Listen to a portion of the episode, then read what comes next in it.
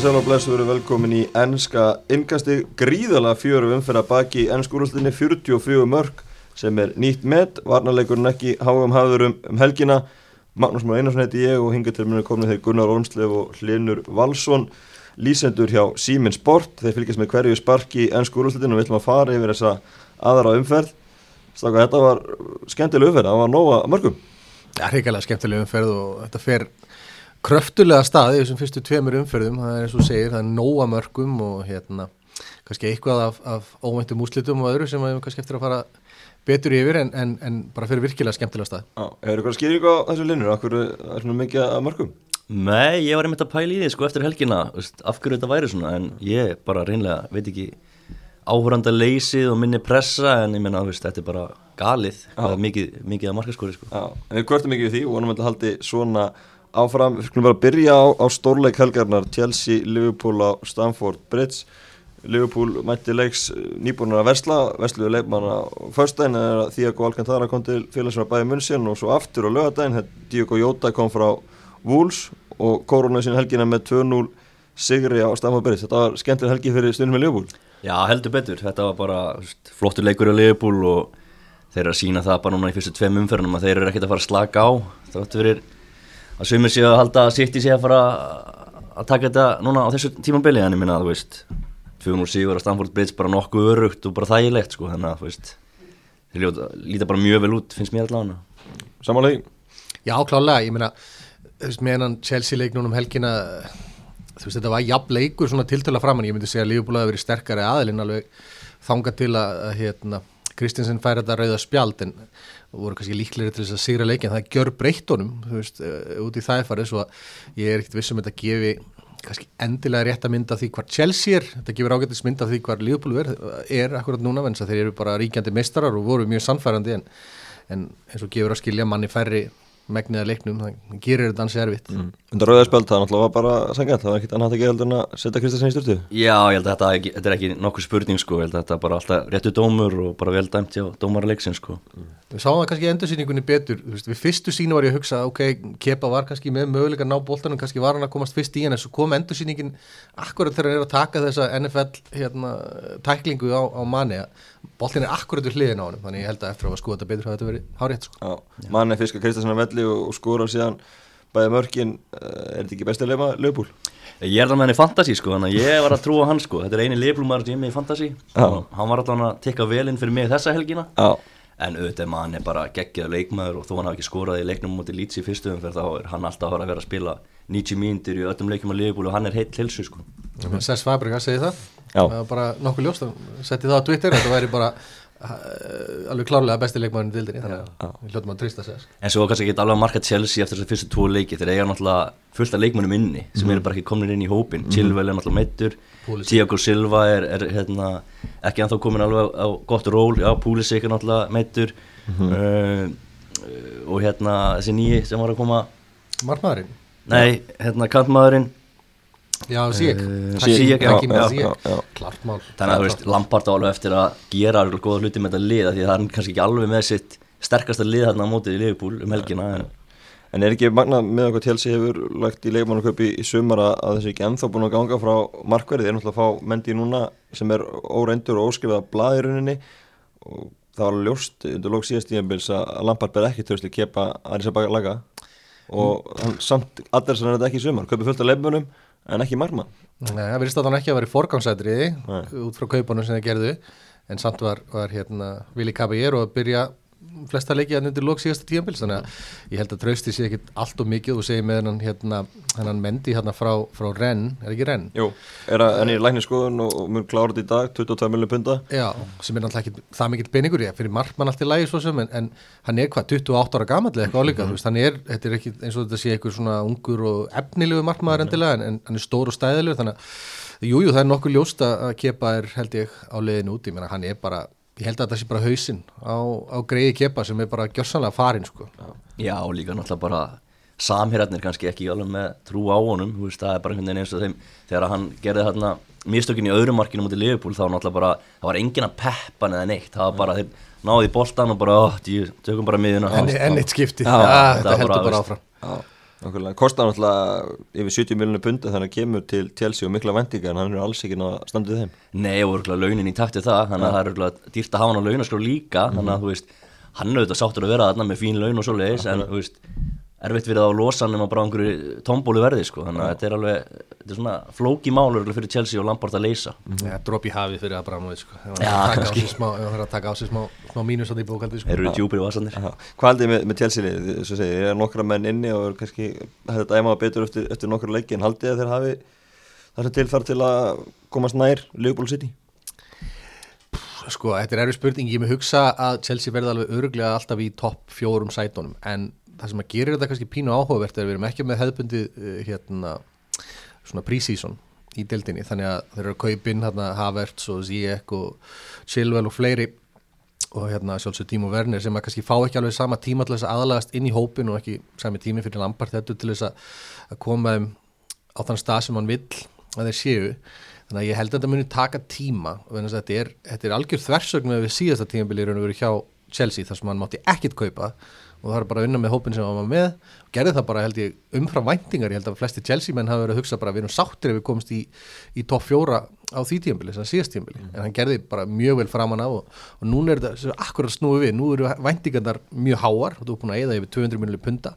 En ég held að menn verða að gera sér grein fyrir því að það mun taka tíma fyrir leikmennin að komast inn í því. Séða strax til þess á, á Kai Havertz bara í þessum tveimur leikjum sem hann hefur spilað að þú veist, hann er hann er að þá átt að segja á því bara hvernig ennska deildin er frábröðin fyrir því sko, sko.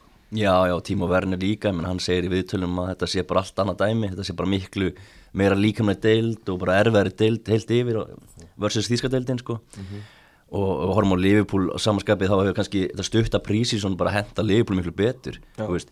Þeir eru að gera svo litla breytingar á sínum hóp og Jörgur Klopp hefur bara þetta er bara svona rútín, rútínaraði honum bara. Þeir fóru þarna til Östuríkis og tóku nokkur æfingar og eitt, tvo leiki og koma bara á fullum krafti inn í nýtt sísón á meðan Lampard eins og þú segir Gunnar, þú veist bara með mjög nýtt lið og, og mikið af breytingu sem að tekur auðvitað tíma að að koma inn, þannig að ég held að Chelsea ná ekki City og Liverpool á þessu sísóni en þetta er kannski einst tveggja ára prógram hjá honum. Já, fyrir maður sattur í, í Liverpoolið, keftu Diego Alcantara á förstæðin og hann kom inn á í háluleika leiknum á Stamford Bridge og það var eins og hann hafi ekki gert annað en að spila með Liverpool. Nei, þetta er svona eiginlega bara drauma kaup held ég fyrir Liverpool og, og stuðnins með Liverpool að fá þennan mann inn, þetta er svona gæi sem er bara góður allstar sem hann hefur spilað unnið allt bara allstaðar og einhvern veginn bara smellu perfekt inn í þetta lið, nýbúin að skrifa undir beint á bekkin, kemur inn á í háluleik og á bara geggjaðan leik, þetta er svona eða of gott til að vera satt myndi ég segja fyrir Liverpool. Ég elska karakterin í þessu strák. Það er eitthvað sem mér finnst að skín í gegn. Mér finnst hann vera með þetta virkið svona þessi karakter sem er með hugafarið alveg á, á, á, á 100% réttum stað. Hann er einhvern veginn hann peppar leikmenn eh, sem er með sér í liði alltaf, alltaf í gangi, hann fannst ég sjá það hjá bæinn hann var óbúslega kröftugur, hann er mikil barátt í honum. Hann er betri varnalega held ég heldur en að, heldur en að margir hugsa, hann er að kasta sér í tæklingar og vinna boltan vel fyrir liðið sér tilbaka og svona, en ég veit ég, veist, ég velti fyrir mér af hverju mér finnst þess að hann sé búin að fljóta svolítið undir ratarnum í einhver, einhver 5-6 ár. Veist, ekki sem endilega kannski þú veist, já, þetta er bara toppin besti miðjumæður bara í heiminum. Og mér finnst umræðinu það eiginlega bara svona að byrja svolítið á síðasta tíðanbili eftir því hva, hversu geggjaðir bæinn voru í, í meistarlutinu og hann var náttúrulega stór partur af því. En þú veist eins og bara í, með Barcelona og öðru ekki það þegar hann var kannski að koma inn í Barcelona lið þá voru þeir ennþá með þú veist, inn í esta og eitthvað svona gæja á miðinu þannig að hann fjall kannski svolítið í, í, í skuggan á þeim en, en þetta er frábær leikmaður og geggjur kaupa á, á, á engan pening veist, Já, fyrir já. þennan gæja sko. og líka bara, þú veist alltaf maður kannski hefur ekki fylgst nógu mikið með er málið. með við aðra deildir þannig að þess vegna kannski er hún svolítið búin að vera óskrifa blað fyrir marga en, en klárlega bara geggja leikum að fyrir Liverpool Já. Diego Jota kom síðan á lögadaginn, hvernig sjáðu hann kom inn í þetta Liverpoolið? Spurning bara hvað hann kemur honum fyrir sko, ég held að hann sé ekkert að fara beint inn í byrjunarliðið en, en klárlega svona fjóruði maður inn hérna í þessa fremstu þrjá held ég klárlega. Og, og náttúrulega bara upp á breyttina líka að því að ef að fyrir mín og manni eða Sala einhverja sem meiðist þá er ekkert mikið back-up á backnum með Shaqiri og, og Divock Origi sem er svona kannski ekki alveg bestu leikmenninni til að hafa þarna sem back-up. Mína Míno já, mína mín og hann er ekki fengið að spila neitt sérstaklega mikið. Já, hann er svona ennþá að koma sér í, í rithmann hjá Klopp þannig að ég held að, að fyrir þá að hafa Jóta þarna sem fjórðamann inn í framlínuna sé bara geggjað sko. Já. Já, kom, svolítið óvænt inn að Djóta kom, það var, það var ekkert í, í kortunum, það er bara allt í einu, það er einu svo kanninu bara hætti. Já, svolítið, þetta skeiði bara okkur um nokkrum dögum hérna, þegar hann kom, en ég held að þetta sé leikmaður sem að hendar til dæmis Jürgen Klopp nokkuð vel, hann er rosalega kraftmikill, hann hleypur endalust, duglegur uh, og sér svona leikmaður sem hendi vel í þessu, há, há, hái pressu sem að, sem að Klopp vil setja átt á tíðum um, en það veitir kannski Klopp líka svona fleiri valmöðulega upp á það að gera ef hann vil setja kannski manni jafnvel bara í þessa nýju, þessa fölsku nýju sem að Firmino spila kannski svona öllu jöfnu Já. Firmino hefur kannski ég veit ekki, mér langar að segja kannski verið örlítið mistækur, hann skora ekkit óbúslega mikið af mörgum allavegna, en það er kannski ekki endilega hans hlutverk, hann, hann, er, hann gerir svo miklu miklu meira heldur en bara að skora mörg fyrir þetta liðbúlið, sko, hann er frábær að halda boltanum og, og fá manni og sala inn í spilið og, og allt þetta, en það veitir klopp kannski mögulegan að það segja, ok, kannski set fyrir mínu og bekki núna, manni fer í þessu stöðu í nýjunni og Diogo Jota getur komið inn þú veist á vinstrivængin eða eitthvað svoleiðis. Þannig að ég held að Og, og Mikael Edvards sem er að sjá leikmannaköpinu á Liverpool, hann náttúrulega silur hann á hóver til Wolves á, á góðan penning og, og, og gengur frá þessum tveimur kaupum. Liverpool er ekkert að áborga fyrir þessar leikmenn. Nei, og þetta líka hefur sínt okkur það sko að þeir eru greinlega veist, leggja metnað í þessi kaup og þessu sölur, þeir eru að gera þetta virkilega vel og svona eitthvað sem að Liverpool er ekkert frækt fyrir árum áður, kaupandi Andy Carroll á einhverjum svakalöfum vermiða og, alls konar aðra leikmenn en núna allt í nefnum að sjá Liverpool gera svona alveg góð kaup á góðum leikmennum svona sem að engum hefur dottið í huga að gera sko. Ég er með spurningu sal, var Michael Edwards líka sérst yfirmaður knæspennumóla þegar hérna Mamadou Sakho var seldur? Já. það eru bara eitthvað gölnustu kaup eða sérst sala er raun og veru sem, að, sem ég veit um sko, Sakho fór á bara eitthvað 30 miljonir punda Já, eitthvað til svoleiðis Palace, já. Þú veist, bara bílaði peningur þú veist, á þess að vilja vera með eitthvað og sleggjudóma við Sakho sko, Algjörlega, Dominik Solanki til Bormóð, Jordan Æb til Bormóð. Þetta eru sölur sem að hafa heldur betur sínt að segja voru góðar. Ekki að þessi leikmenn gert merkilega hluti.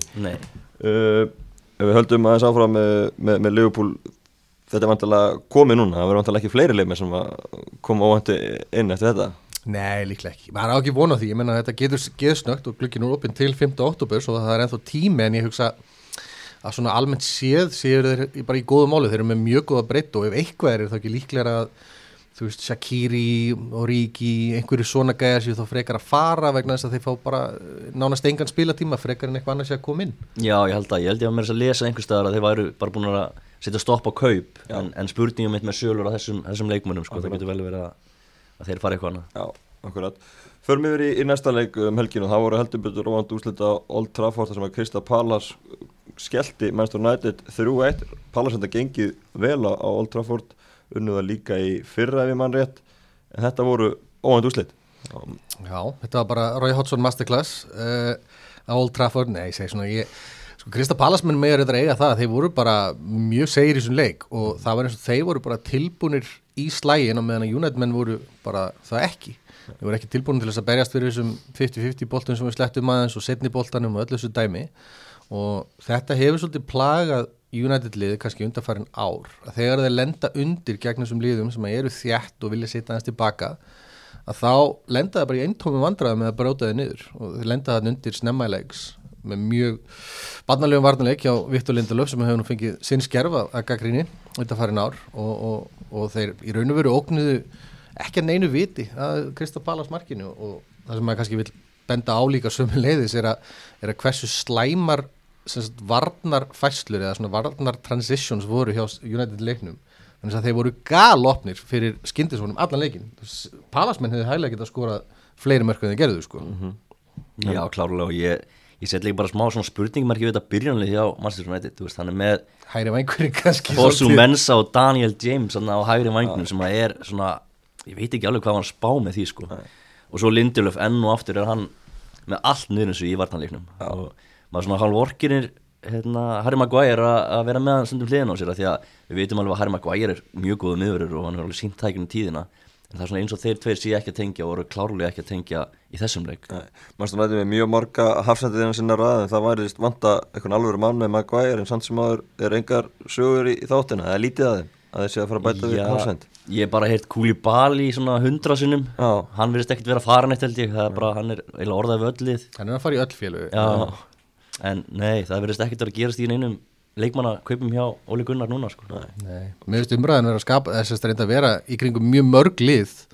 Chelsea sem er leiðis vantar Hafsend um, og United og fleiri lið. En, en það er Hafsendar heimsklassa Hafsendar eru bara á skortum skamti sko. Og þeir, við sáum bara að þeir kosta sitt þegar hérna, félagskiptin gerast eins og með Maguire sem er reynda að sala innan England sem á alltaf til þess að að hækka verði kannski um 10-20% eða svo. Mm -hmm. en hérna, nei, það lítur ekki út fyrir það og þessi kaup hafa bara einfallega ekki gengið undan að fara nári í bæ og, og Lindelöf, Lindelöf svo sem búin að vera ágættur á köplum en hann er ómistækur, gerur ómikið að mistökum. Þannig að, nei, það lítur ekki út fyrir það. Haldið að Jónat muni versla meira á glöggin lokar? Það lítur að vera. Já, ég held að, allan einn, einn góðan leikmann. En, en veist, þetta, líktin af þessu samt er svolítið eins og þetta sé að fara dett inn bara fjórða oktober sko já, já eða bara of seint og þeir náðu því já, eða mjög of seint, sko, eitthvað svona og, veist, og þetta verði þá einhverju uppsprengtu verði og þetta verði kannski einhverju gæi sem að sem að maður jafnvel kannast líti við og hann alltaf innu kosti 80 miljonum punta ja. sko. þú veist, að, þú veist, maður færða svolítið á tilfinninguna að það sé þanga sem þetta er að þróast og, en maður veit náttúrulega ekki neitt þú veist, eins og við erum með Sancho þú veist maður veit ekkert stöðuna, maður, maður les bara fullt af hlutum í fjölmjölum og mm -hmm. hver raunverulega staðan er, er þetta að segja sko. Haldið að það muni verið flottur að rífa sig upp eftir þetta tap? Já, já. Já, ég held að, ég held bara, ég held að þetta hlið í fyrstum verið hafa eiginlega bara verið vond fyrir bæði Manchester United og Manchester City Horða á öll hinn liðinurinn fara að stað og, og, og liðin í kringum voru að vinna leikina sína. Og svo koma þeir og verið rauninni eins og, City rauninni bara 60 og eftir Liverpool eftir á sunnudeginum það er alveg erfitt fyrir þá að kingja því og koma inn í vúlsleik og þú veist. Þannig ég held svona að þessi pása í fyrstu umferð hafa jafnvel verið bara slæm fyrir bæði United og City. Mm. Algjörlega. Uh, Aðeins með Krista Pallas lið, Vilfred Saha skorar tömur, hann er alltaf að komast í burtu frá Pallas og, og síndi sig í þessum leik. Já, með fyrirlega bandi Já, haldið eitthvað muni kaupa hann aðra glöggi lokar eða tekur það bara neitt í öflið? Ég Nei, ég sé það ekki gerast Ég veit það ekki. Nei, finnst... ég sammála, ég held að hann verði þarna bara. Já, mér, veist, fyrir mér er Vilfred Saha svona gæi sem að þetta er svona okkur en luxusleikmaður mm -hmm. veist, og hann hendar ágætlega heldur bara í einhverju svona liði eins og veist, ég geti síðan fyrir mér í Everton eða einhverju svona liði þar sem hann fær svolítið að vera þessi gæi, þessi aðal gæi sem fær svolítið boltan og fær svolítið frelsi en, en eitthvað svona stór eitthvað stór klúpur að kaupa, nei, ég sé það ekki gerast ég, já, nei. Nei, sammála, ég held að, að líði bara vel hann líka og hann er aðal maður núna, aðal gæin kom með bandið og hann skorar alltaf fullt af mörgum, þannig að ég held að hann sé bara komið til að vera allavega þetta tímabilið svo sjáum við til með, með næsta sumar. Dóni Vandi Bík skoraði kom inn á skoraði fyrir Master United haldið að hann hefði komin í byrjunarlið uh, á lögadeg á móti bætum Það er eftir að segja maður. Nimanni Matis var ekki heldur með ég get alveg séð fyrir mér að Dóni Vandi Bík sé komin inn í byrjunarlið áðurna langt um líður. Kannski ekki í næstu viku en Pól Pogba í þessum leik var ekki sannfærandi og, og hann var að gefa boltan frá sér ítrekka hann inn á miðsæðinu ég held að Óli Gunnar Solskjær sé mm, sko þólimaðin á örglegt að renna út á einhverju tíampunkti ef að Pól Pogba verður ekki gæin sem að síni bara herði, ég ætla að taka lið og bera það á, á herðu mér. Það, það er sá gæi sem hann á að vera. Mm -hmm. þannig að ef, að ef þetta heldur áfram svona og Pól Pogba verður kannski slæmur í einhverja þrjáfjölu vikur, þá get ég alveg séð það að Pogba verður bara komin á bekkin og vandi bekkin Já, líka, hann alltaf var mjög mikið að spila Matits, sérstaklega eftir COVID-lið og Scott McTominay var á bekknum mikið svo hann komin inn í liði núna en úst, við veitum alveg að Bruno Fernandes alltaf verður í sinni stöðu en það er spurning með þessu tvo fyrir aftan hvort það verður Van de Beek og Pogba eða McTominay og Van de Beek en... hann mun potið pröfa það. Hann mun örgulega pröfa það þetta er náttúrulega farið að vera algengur og algengara í alins fólkvöldarum að vera með svona þrjár flæðandi áttur ykkur neginn mm -hmm. og Van de Beek, Pogba og Bruno saman er svona nokkur neginn að uppfylla það. Hann mun alveg potið pröfa spurning hvernig það verður varnarlega. McTominay var heldur ekkit sérstakur í þessum leiknunum helgina. Alls ekki, Matic var mjög góður að hann mun hann breyta þessu eitthvað til og reyna að finna sitt besta uh, missæði Já, algjörlega. Förum yfir í hitlið í mannstæður mannstæður sitt í leiki gær. Þrjúet út í sigur á móti Vúls öflugbyrjun hjá City gefandi brunni í miklu stuði. Og staðan alltaf er 2-1 á 1950 myndu Gabriel Jesus innsiklar þetta þrjúet en mjög stætti á City að fara út í völd að vinna úluna Já heldur betur, ég, ég var með hana leik og hérna þeir voru mjög sannfærandi sérstaklega í fyrirháleik mm -hmm. þá voru eins og úlfarnir voru bara ekki alveg mættir til leiks einhvern veginn, það var mjög skrítið, þeir voru einhvern veginn ekki að setja neina pressu á, á sitt í lið og þeir voru bara algjörlega yfirspilað og þannig að allavega út frá fyrirháleiknum mjög sannfærdi og sitt í senda svona ákveðin skilabúður og láta boltan flæða afskaplega vel, en þeir lendu í smá vandræði með síður á háleiknum sko, og úlfarnir hefðu hægilega getað skora hérna, fleiri mörk en þeir gerðu og, og, og gert þetta uh, jafnvel ná stíi í þessum leik en, en svona þegar allt var upptalið, það var sitt í betri aðalinn og áttin hann sigur alveg uh, hérna, skilið. Já, kemur Brunni að fá mikið hrósætti leikin uh, er hann bestur dildin, er hann betri manni eða hver, hver staðst þið hann? Já, ég meina hann náttúrulega fekk velum fyrir það í fyrra, hann var bara besti, besti leikmaður úrvastildarinn og ég held að hann eigi það klálega skilið, hann er, hann er langt besti maðurinn í sinni stöðu, mann er náttúrulega, Sadio mann er allt öðruvísi leikmaður, ég, mm. kannski, ég myndi ekki bera það saman beint, Nei.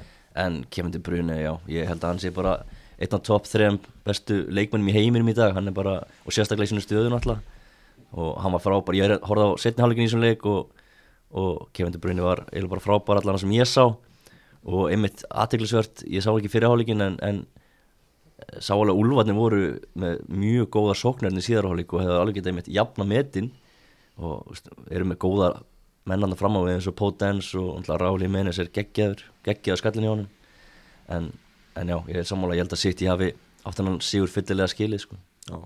Uh, Nathan Eiki kom frá Bormóð því suma til uh, City, hann byrjaði í gerð, hvernig kom hann inn í lið? Þetta var náttúrulega afskaplega rólegu dagar hjá hann eins og við kannski rættum hann það í fyrirháleikinu sko. það var ekkert að gera, þeir átti ekki skota marki held ég fyrir en bara, reyndar þetta eina skot sem að fóra á marki var skallin frá Ráli Jimenez sem, sem að var marki sko. þeir átti nokkra skot til henni viðbútt um, þetta var afskaplega rólegu dagur hjá Nathan Eiki og, og hérna, hann leitt samt bara nokkuð vel út og ég held að þetta séu afskaplega solid gaup hjá Pep Guardiola, þetta er svona gæði sem að mér, mér finnst vera yfirvegaður, uh, hann heitlaði mig alltaf hjá Bormóð, ég set, setti spurningamerki í akkur fleiri lið voru ekki að skoða eins og Chelsea eða Manchester United sem að vanta líka hafsend sko, sem að kannski svona, gæði sem er búin að spila lengi dildinni og hefði hendað báðum þessu liðum líka komir á orð að það skildi ekki verið meiri baróttum hann en hann og, og, og Emmerich Leport þegar hann kemur tilbaka að jafna sig eftir að það verið grendu með, með koronavírusin þá getur ég alveg séð fyrir mig að þetta verði aðal hafsendapari og þeir verði bara mjög góðir saman sko. Orðum með maður sitt í allir líka að kaupa Julius Conde frá Sevilla.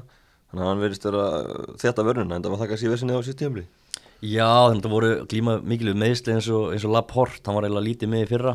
Þannig að ég held að hann sé að hugsa einmitt Nathan Ake og, og Laporte sem meðverðarpar nummer eitt. Otamendi er náttúrulega orðin gamall og hefur svona verið að þreka mistakur gegn tíðina. Og ég held að John Stone sé líka þá bara hugsaði sem backup fyrir þá tvo Er þess að ekki báður örfættir? Amerikli Porto og Ake Jó, það er áhuga Það hugsaður það skilur Pep Guardiola sem þú veist þessi fókbalta hérna, brain sem hann er er það, vill hann hafa tvo örfætta mm -hmm. hafsenda saman í vördinni, ég veit það ekki. Gæti pyrraðan Gæti pyrraðan sko, en ég menna ef, ef það virkar og ef það eru hans, hans tvei bestu hafsendar þá líklega, þú veist, fer hann þá leið en, en hérna, fyrir sér. Já, ég geti líka sér neðan ekki spila eitthvað í vinsti bakari Já, það hefur listað fyrir hollandska landsliði Einhverju leikjum, hann geti verið þánga líka og með Laporte á við hliðin á honum. Talað um hollandska landsliðir það er ekkert ástæðalauðs hann komist ekki í hafsetti þar sko með Vandeg og Delikt sko en, en já, já, ég get alveg séð það líka. Já. Algjörlega, förum yfir í næsta leik og það var heldur betur stuða á Hosea Mourinho og hans mörnum í Tottenham, töpuði fyrstu fyrir á móti Everton en svöruði með 50 út í sér gegn Southampton sem Sjón Hjung-Mín og Harry Kane líka á allsoti svon með Fernu og Kane laði börnmarkin Já, það var svona ekki beint Mourinho-legu leikur, svona mikið skorað og, og veist, ég veldi er þetta bara svona 1-0 leikir eins og hann hefur sínt ykkur um tíðina en, en þarna sá maður svona tóttinamniði getur alveg spilað hörgu sóknabólta og Hjóminsson og Harry Kane, þetta eru frábæri leikmenn og síndu það í þessum leika þeir getur unni virkilega vel saman og svo hef líka eitt Garth Bale inni sem er náttúrulega ótrúlegt sko. Já, það bæti bara í þess að skyndi svona flóru, þetta var samt leikur sem að Mourinho elskar sko þetta var mikið um svona snögg transition svo við, svo við slettum aðeins og hlaup á bakvið og náttúrulega sendingar og gæðin í sendingunum frá Harry Kane voru frábær sko, hann síndi það hann getur, hann getur lagt upp mörg, ekki bara skoraði sko og hérna já, Móri Já, það verður mjög sáttur eftir þessum fyrir. Þetta var mjög sannfærið í raun og veru í þessum síðra hálfleik. Það voru ekki góðið framan af, mm -hmm. alveg bara langt í frá sko. En hérna, já, það verður bros á ýmsum tóttunamönnum eftir helgina. Já, stuðnismenni þeirra Já, hann er líka, Hjálma á fleirum. hann er líka aðeins að breyta liðinu frá því síðustu leikti hann er komið með bá, báða nýju leikmennin Hauberg og, og Doherty Mhm. og Gareth Bale, hann þarf vantilega að koma honum inn í byrjanliði, mér finnst það líklegt Já. þannig að þetta er alveg smá breytingar á tóttanarliðinu svona frá því síðustu leikti já og, og áhugavert náttúrulega þeir eru að fá síðan, eins og ég nefndi, Gareth Bale eða hann inni og, og Sergio Reguilón voru að fá hann líka þannig að staðin á tóttunum er svona talsett betur en kannski var eftir fyrstu fyrirna sem allt er tist ómögulegt og töpuð og mórinni og fílu og ekkert að gerast. Já, já, og náttúrulega mikið í meðslavandar að maður síðast tímbili, hann voru inn og misti Son í meðsli, að misti Kane í meðsli og menn voru að fyrir bönn, Sissoko var meittu líka og ímislegt eins og fyrir þá sem hafa hort á hérna Amazon seríuna hafa hérna séð, en svo hvart hann yfir um dögunum hann var eiginlega komið með of marga leikmenn núna. Þetta er svona típisku móri sko, hann getur fundið eitthvað til þess að hvart yfir Já, sko. já. Þetta er ákveðið luxus vandamálin, ég held að Reguljón og hérna Bale, frábær viðbútt þeir getur verið mjög skeinuhættir þarna upp vinstri, vinstri vangin eitthvað spurning hvort að Bale fari til hægri Son nú vannilega út í vinstramenn, hann finnur eitthvað út úr því hann móri en já. já, þetta er ákveðin luxus vandi Gareth Bale, frábær leikmaður. Já, þurfa þeir ekki að hérna á þessum öllu leikmennum að halda? Þeir eru núna að spila bara að tekja þetta fresti þessa dagana? Jú, jú, klárlega, ég held að þetta breytin skiptir bara miklu máli fyrir þessi topp 6 lið. Bara því fleiri leikmenn því betra. Ég held að það er alveg sínt sig eins og í fyrra. Meðslinn geta sett mikið strykki reikningin Aldrei að Tóttan gerir eitthvað meira á markanum? Sjáum við það í kortunum? Nei, ég, ætla- ég sé nú ekki alveg ekki það mikið að gerast. nefna framherja en Bale getur náttúrulega að spila frammi. Já, ekkert í snöggu bræði, hann alltaf talað um að sérstaklega líka uh, Mourinho á tíðanbylunni eða sérst núna fyrir tíðanbyli að hérna að lífi og fleiri vissu klárlega að það vantaði strækir og hann var búin að koma því til skila að hann langaði strækir. En spurning hvort að Bale uppfylli þau skilir því fyrir Jose Mourinho og svo segir hann getur alveg spilað på topp þannig að algjörlega. Uh, Tottenham vinnur hann að samfærandi 50 sigur á móti Southampton og, og eins og við segjum það er kannski aðeins léttar ef Morin heldur að vera til fyrsta umferð. Það var, það var heldur þúndi kallinu þá. Já, það var dimmt yfir hjá, hjá Jose Mourinho þá. Eh, ekki bara, ekki góð framist það Evertón voru bara betri aðilinn í þeim leiku áttu sigurinn bara fyllilega skilið. Og hérna já, það er léttara líklega yfir Mourinho eftir þessa aðra umferð en, kannski svona helsti gallin á þessu öllu saman er að, þeir hafa ekkit verið rosalega stabílir en spurning, við erum á öðru tímabilinu hjá Jose Mourinho og sögulega séð þá er það hans tímabil, tímabili sem hann skila titlum þannig að það verður bara að býða og, og koma í ljós hvort að það verði rauninni eða ekki sko. Já, nákvæmlega. Uh, Arsenal, nákvæmlega í, þeirra í, í nákvæmlega Tottenham manna, þeir unnu Vestham 2-1 á heimavelli. Uh, það var samt stóðtæft Sigurmarki kom bara 850 mínútur frá varamennunum en Kettia þetta var ekkit uh, svo samverði á Arsenal? Nei, kannski ekki, en þeir líta samt vel út. Það er, þú veist það er líka partur af því að vera lið sem ætlar að berjast um þessi toffjúsæti eða jafnvel efstu tvö eða titilin eða eitthvað svoleiðis. Að þú þarft að sigla heim sigurum þegar þú lítur ekkit sérstaklega vel út. Það er bara, það er alveg mikilvægt og það að sigra leiki mjög samfærandi og spila mjög vel. Það var eitthvað sem að kannski vantaði svolítið hjá Arsenal-liðinu á síðasta tífambili semst áður en að þetta kom. Það var þessi, þessi pínu karakter þessi pínu, þetta hungur og þessi baróta sem hann hefur svolítið náða að, að stimpla inn í leikmenni sinna, það er að verðast eins og að allir sé að, að kaupa það sem að Arteta er að selja þess að dagana sko. Já, ég, held- já, ég segla og líka bara ég held að veist, Arteta er bara komið með allt annað mentality í liðið, veist, hann er bara það er svona þeirra gaman að þessu Aubameyang er búin að skrifa nýjan samning og það er svona, þetta er ekki svona, jafn, svona þvingað og menn voru ekki svona pyrraðir eins og þau voru á sínum tíma, þannig að þetta er svona bara svona mjög spennandi hjá Arsenal núna fyrst mér allavega. Já, það var styrt þetta var svo styrt á, á stórum köflum á síðast tíðanbili fannst manni. Og eins og menn voru ekki alveg á, á, á sömu blaðsíðun og svona, ég meina maður horfir á þetta miðsvæði almennt hjá, hjá Arsenal, þú veist, nú er hérna, Mohamed El Neni í Egyptin búin að vera að koma svolítið inn á miðsvæði, það er gæði sem þú hugsar ekkit um sem er einhvern stórkostlega miðjumann eitthvað svoleiðis, hann var á láni í Tyrklandi á síðasta tíðanbili en hann kemur inn í þetta samfélagsgildinum og, og fyrsta leik allavega, ég maður ekki hvort hann spilaði hann leik gegn, gegn Vestam, en, en hann lítur frábæl út, uh, þú veist, hann er að fá bara það mesta út úr öllum önnum og, og ég get vel skilið hérna bjarsínina í arsenamönnum í, í samfélaginu, sko, ekki það að ég haldi að þeir sé að fara að vinna þessa deildi en eitt svoleið, sko. Mér finnst það ólíklegt, en, en þeir eru allavega á réttri leið. Já, menn eins og Dani Ceballos sem veist, var bara svona varamæður hjá Real Madrid, þú veist, hann er í byrjunleginni og Granit Xhaka hefur verið svona upp og niður og, og margir stundismenn Arsenal sem hafa ekki verið á hans bandi. En einhvern veginn nær Arteta eins og þú segir bara að koma því besta út úr þessu leikmönnum sem, að, sem er að virka fyrir þá. Það finnur kerfið, þrý fyrir þrýr er að virka. Akkurat. Þú veist, það er, það er bara að virka það er eitthvað rétt í þessu. Því sáðu bara svona einn snöggu punktur hérna markið í samfélagsskildunum sem Aubameyang skoraði og markið sem hann skoraði í fyrstum fyrirni gegn Fulham. Þetta er bara nákvæmlega saman markið. Já. þetta er eitthvað sem Já. er drillað á æfingavellunum boltin fer hann út til hægri uh, Bukayo Saka held í bæðu skiptin fær hann þar kemur langan hérna, diagonal yfir til vinstri sem Aubameyang er í einn og einn stöðu og hann klárar. Veist, þetta, er, þetta er drillað og þetta er að virka. Já, og líka bara virðist einhvern veginn vera önnur ára yfir þessu liðin þegar Emiri var með á meðan framleggir og með svona ösil það er bara búið að henda honum til hliðar og því hann er í fílu og, og þetta er svona allt önnur ára núna, hann er að taka á málunum hann Já, það er bara, eins og leikmennið er bara að byrja virðingu fyrir Arteta og hann hefur passion fyrir þessu, veist, hann er hluta klubnum og hefur mm. búin að spila þarna á þér og hann er, svona, er alltaf smetla hjá þeim loksins Já, okkur uh, Arsenal og Tottenham, hvað sjáum við þessi lið í, í, í vetur, þessan ákvarðana? 57. cirka Náðu ekki nýtt og fjóra Það er svo erfitt að kalla þetta sann sko manni, manni finnst eins og Leopold og City séu í sérflokki Ég heldur ná ekki Og þeir verðu auðstu tveimur Svo koma Chelsea, United, Tottenham, Arsenal Ulvarni mögulega að blanda sér í þetta og eitthvað svona fleiri lið þannig að það er mjög erfitt að segja hverjir nátt á fjórum en yeah. ef ég ætti að segja núna hvort liðið mér þætti líklega til þess að ná topp í umvilið Arsenal og Tottenham þá held ég að ég myndi segja Arsenal sko, Já. persónlega Já. Talandi um, um top 4 Lester var í, í baráttunum það á síðast tíðanbili þeir unnu Burnley 4-2 um helgina. Þeir, Lester menn þeir verða ekki svona óvali ár. Ég finn ég glemdi mér, ég glemdi restar í þessari upptalningu hjá mér hérna á öllum þessum liðum sem að vera að gera sér líklega, ég meina þeir eru ólgsegir. Já, en ég held samt að sé aðeins og eftir hinu leðunum, en eins og ég, ég veit það samt ekki, þetta er svolítið erfitt að segja, þetta er svo, þetta er svo jafnt þarna, fjóraða, fymta, sjötta, sjöunda, þetta er, þetta er svona pakki og maður getur ekkert spáð í þetta. Nei. Nei, við, kannski, ef við förum út frá hvernig síðasta tímabil endaði hjá lestaminu þá náttúrulega gerðu þeir almennilega í brækuna með því að vera í uh, sko frábæri stöðu þarna þegar uh, sérst, eftir COVID-básuna þegar hún var að byrja. Ég man ekki alveg nákvæmlega tölfræðin þeir voru samt einhverjum 11, 12, 13 stígum og undan Master United.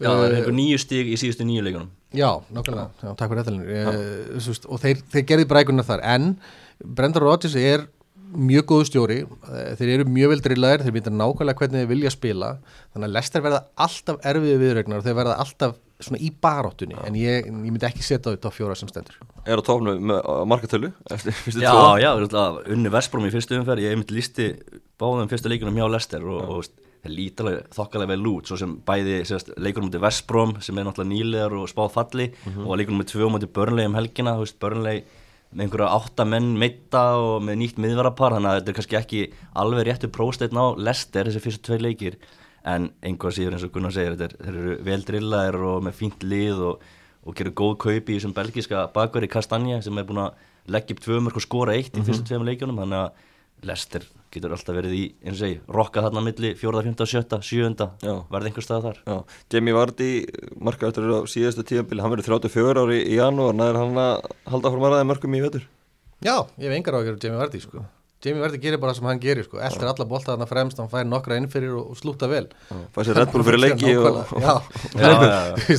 Þú veist, nákvæmlega hvað þú fara að fá frá Jamie Vardy sko.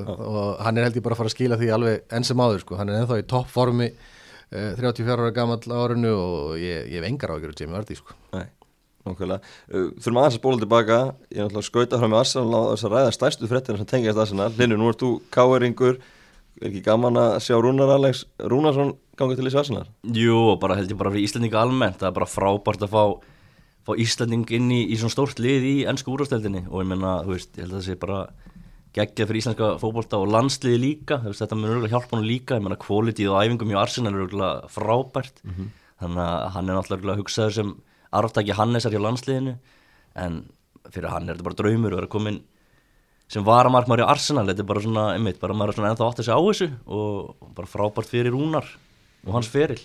Hljóma pínu galið að maður sé gett ánæður að fara sem varamarkmaður eitthvað. en þetta er Arsenal skiljur þú veist það er rísa rísa stórt fyrir hann að að fá þessi félagskiptu og hann mun fá tækifæri líklega. Ég er, er komið að reynd og vitu við almennilega sér hvort hann verði annar markmaður, þriði markmaður. Þau voru að reyna við gæja frá Brentford eða ekki Jú, David Raya um en, en þeir höfnuðu vist 10 miljonar pund uh, tilbúið frá Arsenal í hann þannig að það spyrum út Arsenal vil fara að herra í, til að kaupa sér varamarku, ég er ekki viss um það. Bara tvo mark fyrir Ég segi það, ég segi það og en sama ég- klukkanum nei. Nei, ég hugsa að þeir fyrir ekki að býði og, og gefi Rúnar allan að senast til að byrja með. Ég held alveg að hann fann alltaf treyja nummer 13 og þeir gera mikið út úr því að hann skrifaði undir. Þetta, þetta virkaði á mann sem þetta væri svona alvöru dæmi hjá Arsenal.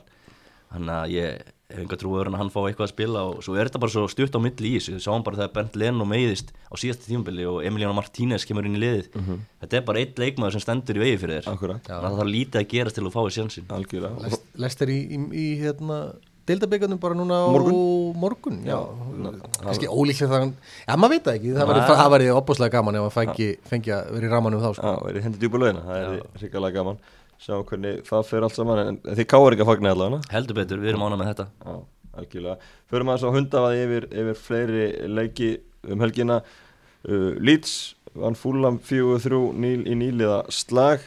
Leedsarinn er að koma gríðarlega skemmtilegir inn í uh, þessa deild og, og þeir eru heldur betur að, taka hérna, svona bóltan allar leið Já, ég held að ef það er eitthvað sem hættir að taka frá uh, þess að taka burt frá þessum tveimur leikin sem að Leeds hefur leikið hinga til að það verður mjög gaman að horfa á leiki Já. sem að Leeds spila á þessum tíðanbili sko. þeir eru ekkit feimni við að sækja en kannski svona helsta áhugjefni fyrir hérna, Bielsa er hversu mörg mörg þeir eru að fá á sig kannski ekki endilega gett Liverpool það var kannski alveg hægt að búast við því en að fá þrjú mörg á sig gegn Fulham sem að, sem að lítu ekki vel út í fyrstu eh, Arsenal lítur að vera á, ákveð áhugjefni en, en sigur er sigur og hérna, það verður frábært og gaman að fylgjast með með lýtsurum í ár. Já, bara mjög skemmtilegir í báðum þessum fyrstu leikjum sjö mörk í báðum leikjunum og ég held að Leeds sé alltaf að fara að halda sér í deildinni ég held að það sé alltaf nummer 1, 2 og 3 Já, og bara frábært fyrir deildin að fá svona stór, stóran klúb inn í, inn í deildina og, og bara og þeir líta bara vel út, ég menna þau eru skemmtilegir sóknarlega með Bamford og Costa og þetta er svona lið sem er svona mjög óútreiknanlegt líka.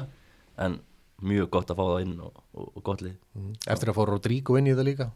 Spænsku landsinsmaður sko. Já, það er eiga hann alveg sem að, sem að eftir að kannski komast betur inn í ennska boltan þannig að þú veist, ég, ég, ég ég hef engar áhyggjur á lýtsa á þessu tímbili og ég hef líka einstaklega gaman að því að fá Marcelo Bielsa upp í efstu dild Já. ég minnst bara gaman að fylgjast með hann á hliðalínu sko. hann er alltaf ógæslega pyrraður yfir einhverjum smá, smá hlutum á hliðalínu og ég, hann talar eh, mjög litla ennsku skils mér og hann er alltaf eitthvað gargandinn á völlinu og ég er að spá, þú veist, vita menn eitthvað hvað hann er að segja. Mhm. þannig að ég, ég hef afskalega gaman að bara fylgjast með honum. Allan að virkar hjá honum. Já, nákvæmlega. Everton 5, Vestbrómis Albion 2 Það er stuð á Everton-mönnum í, í byrjun djöfur Já, ég var einmitt að lýsa þessum leik sko. ég, hérna, og maður hefur alltaf tögur til Everton bara út að gilfa. Og hérna, þeir líta bara rosalega vel út. Og þessi nýju miðjumenn þrýr sem komin í liði er bara, þetta er eins og þeir hafa alltaf verið þarna á miðjunni sko. Já, þannig að bæði Allan og James Rodríguez og hérna. Dugúri, Abdul Dugúri, þetta er bara voru frábærir í þessum fyrstu tveim leikjum og, og líka mútið Vestbróm og, Já, það er vontíðindi fyrir gilva Já, en ég eins og eins og hérna var rættum í vellinum á, á símanum um daginn þá, úst, ég held að hann mun alveg fá að spila mikið, þú veist, hann þarf að rótir þessum gæjum, þetta er mikið leikjálag og ég held að Gilvi muni alltaf fá mínútur, ég held að það sé ekki nokkuð spurning. Nei, ég er saman á því, ég held líka að Gilvi sé bara þannig karakter að uh, jafnvel þótt hann sé ekki fá að spila núna þá mun hann leggja sig 110% fram og, og líklega er en ekki að hann muni vinna sig inn í þetta lið áður en að langt um líður sko. Veist, þannig er öðruvísi spilari til dæmis eins og Dukure, ég held að Allan sé svona þessi gæi sem að Ancelotti þekkir opbúslega vel og er örgulega að fara að verða mjög fastur hann að djúpt á miðunni, búin að vera góður í þessum fyrstu tveimur leikjum, Dukure enda líka. En uh, ég held að Gilvi verið komin inn í þetta þú veist, ég veit ekki, eftir kannski 5, 6, 7 vikur eða svo. Mm uh, Dominik Calvert Lúin skorað þrennu í þessu leik. Það er ár síðan að Tómas Þór félagi ykkur á símanum, hann var ekki að grína hann mútið eitt, hann geti ekki skorað mörg svo kemur Carlo Ancelotti og tekur við og hann getur ekki hægt að skora núna. Hvað getur búist við frá Calvert Lúin á þessu tímabili, fjögur mörg fyrir stjörnleikunum hann er bara að vera að- í miklu Já, menna, hann var með 13 mörg á síðast tímpil, ég held að hann gerir jafnvel betur í ár þetta er náttúrulega bara sjálfströst nummer 1, 2 og 3 held ég. Hann veit að bara að hann er nummer 1 hjá Carlo Ancelotti í röðinni, hann að frammi. Já. Og það skemmir ekkit fyrir að vera að koma með James Rodríguez hann fyrir aftansi til dæmis til að leggja upp mörkin og, Richarlison vinstramegin, hann að ég held að hann er eftir að gera miklu betur í, á þessu ári heldur en í fyrra og, og ég held að Everton hafi verið í 12. sæti á síðustu leiktíð sem er á versti árangur einhverjum 16 ára eitthvað þeir mun alltaf gera miklu betur í ár Já, ég samanlega því. Ég held að markmið fyrir Dominik Karl Lúin hljótt að vera að að koma sér hann í áttu að svona 20 marka múrtum í, í uh, haust og, og, og vor, uh, eða vetur og, og, og vor. Það hlýtur að vera að hann er komið með þessa þjónustu, hafa með þessa góðu punktur, hann, hann er búin að líta mjög vel út í þessum fyrstu tveimur leikjum, þannig að ég get alveg séð hann svona rétt slefi í 20 mörkin, kannski svona rétt þar í kring. Já. ég held líka að James Rodríguez myndi ekki vera svona góður eins og hann er búin að sína í þessum tveim leikjum allavega ég er svona, hann er aðeins búin að tróða sokk upp í mig af því ég held að hann er í því svona smá kolumbísk dúkka sem myndi bara, þú veist, dætt í grasi sko, en hann er alveg búin að sína það, hann er, getur alveg spilað í ennsku deildinni Já, sko. Ancelotti náttúrulega þjálfa hann bæði hjá Real og, og bæði Munsin að hann veit hvað hann er að segja Já, heldur betur, ég held að hann sé alveg, viti nákvæmlega hvað hann er að gera algjörlega Já. Hvað heldur að Evertón getur færið hátt í, í ár? Er, þetta verður í þessum pakka vantala, fjögur til, til 7-8 Já, það er annar lið sem við getum bættið inn að pakka sko. ég held að verði eflust uh, í baróttunum með Európa-sæti mm. kannski ekki mistar Já, kannski ekki fjóruða, ég held að það er einmitt svona sjötta sætið, það verður bara um það kannski, Já.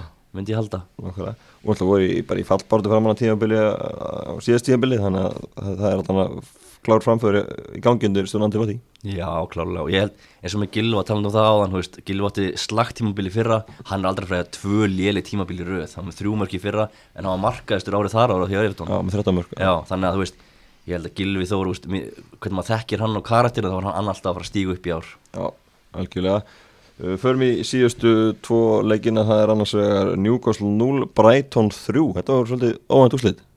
Já, kannski að börgu leiti Newcastle minn litu ágætlega út í hérna, fyrsta leiknum. Segriðu hérna Vestam, eða ekki, Jú, minni mig. útvöldi á útivelli og litur bara þó nokkuð vel út þar en, en, en þetta 4-4-2 kerfi sem að brúsarinn var að vinna með þessum, þessum leik var einhvern veginn ekki alveg að virka. Og Brighton voru bara frá að til auð, bara frá fyrstu mínútu til síðustu voru þeir miklu betra aðeins í þessum leik. Þeir stjórnuðu leiknum algjörlega, litur bolta ganga vel voru ekki með Adam Lallana í, í byrjunleginu hann kom inn á að það í síðra hálfleika eitthvað í kringum 70. mínútu eða svo. Og e, veist þetta Brighton þetta er svolítið er, er, er þetta að segja, það var svo stórum köflum á síðasta tíðanbili voru þau líka að spila með skemmtilega bolta undir Graham Potter. En það vantaði kannski einhvern veginn svona herslumunin, til þess, að, til þess að sigla þessu heim ég held að þeir verði áfram ekki í neinum vandræðum en það var mjög sannfærandi sigur og, og breytuminn gæti alveg verið hérna miða deild kannski ef að, ef að vel gengur. Já, þetta komur, ég held, ég myndi að Newcastle myndi vinna en leik, sko, ég held það fyrirfram en, en kom svolítið óvart að 3-0 skellur bara hjá, hjá Brighton en, en fýtt sigur enga sigur hjá þeim á, á St. James's Park. Síðan Maximin meiðist veist, hann var, hann var slagur í þessum leik en, en meiðist snemma þannig að það er ákveðin blóttaka Hann á líka að vera svona þeirra aðal maður, veist, hann var í fyrra og, og þeir svona er að búast við meira honum í ár, myndi ég halda. Já, en svo var hann Andy Carroll í startinu en hann er bara að byrja ef með- báða leikina sko. Já, og ekki, Joe Linton er bara á bekknum, sko, mm 50 miljón pundar maður eða eitthvað. Já, já, það er áhugavert, Andi Karol er ekki búin að vera að skora mikil mörg ég er ekki með á hreinu hversu mörg þið eru en þeir hafa ekki verið mörg undarfærin undarfærin ál skulum við segja. Nei. Akkurat. Endum á leik Aston Villa og Sheffield United. Aston Villa með 1-0 sigur sterkur sigur hjá þeim í fyrsti leikurinn þeirra. Þeir ætla kvildu um síðustu helgi Sheffield United. Eh, það verðist ekki alveg vera sama aðeins til uppsýlingu þar í ár og síðustu heimli 0 sliti tóleiki Nei og ég meina, þetta er svona skemmtileg, skemmtilegt hjá Villa, fá hérna inn Martínez í markið, ver víti og sigurleikur heldur hreinu, þetta er svona perfekt byrjun fyrir hann sem markmann.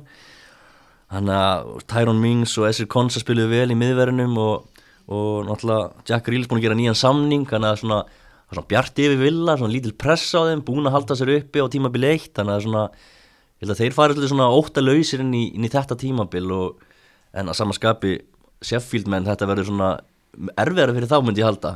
Toppuðu náttúrulega frábærlega í fyrra og núna á þetta eftir að vera svona smá brekka held ég.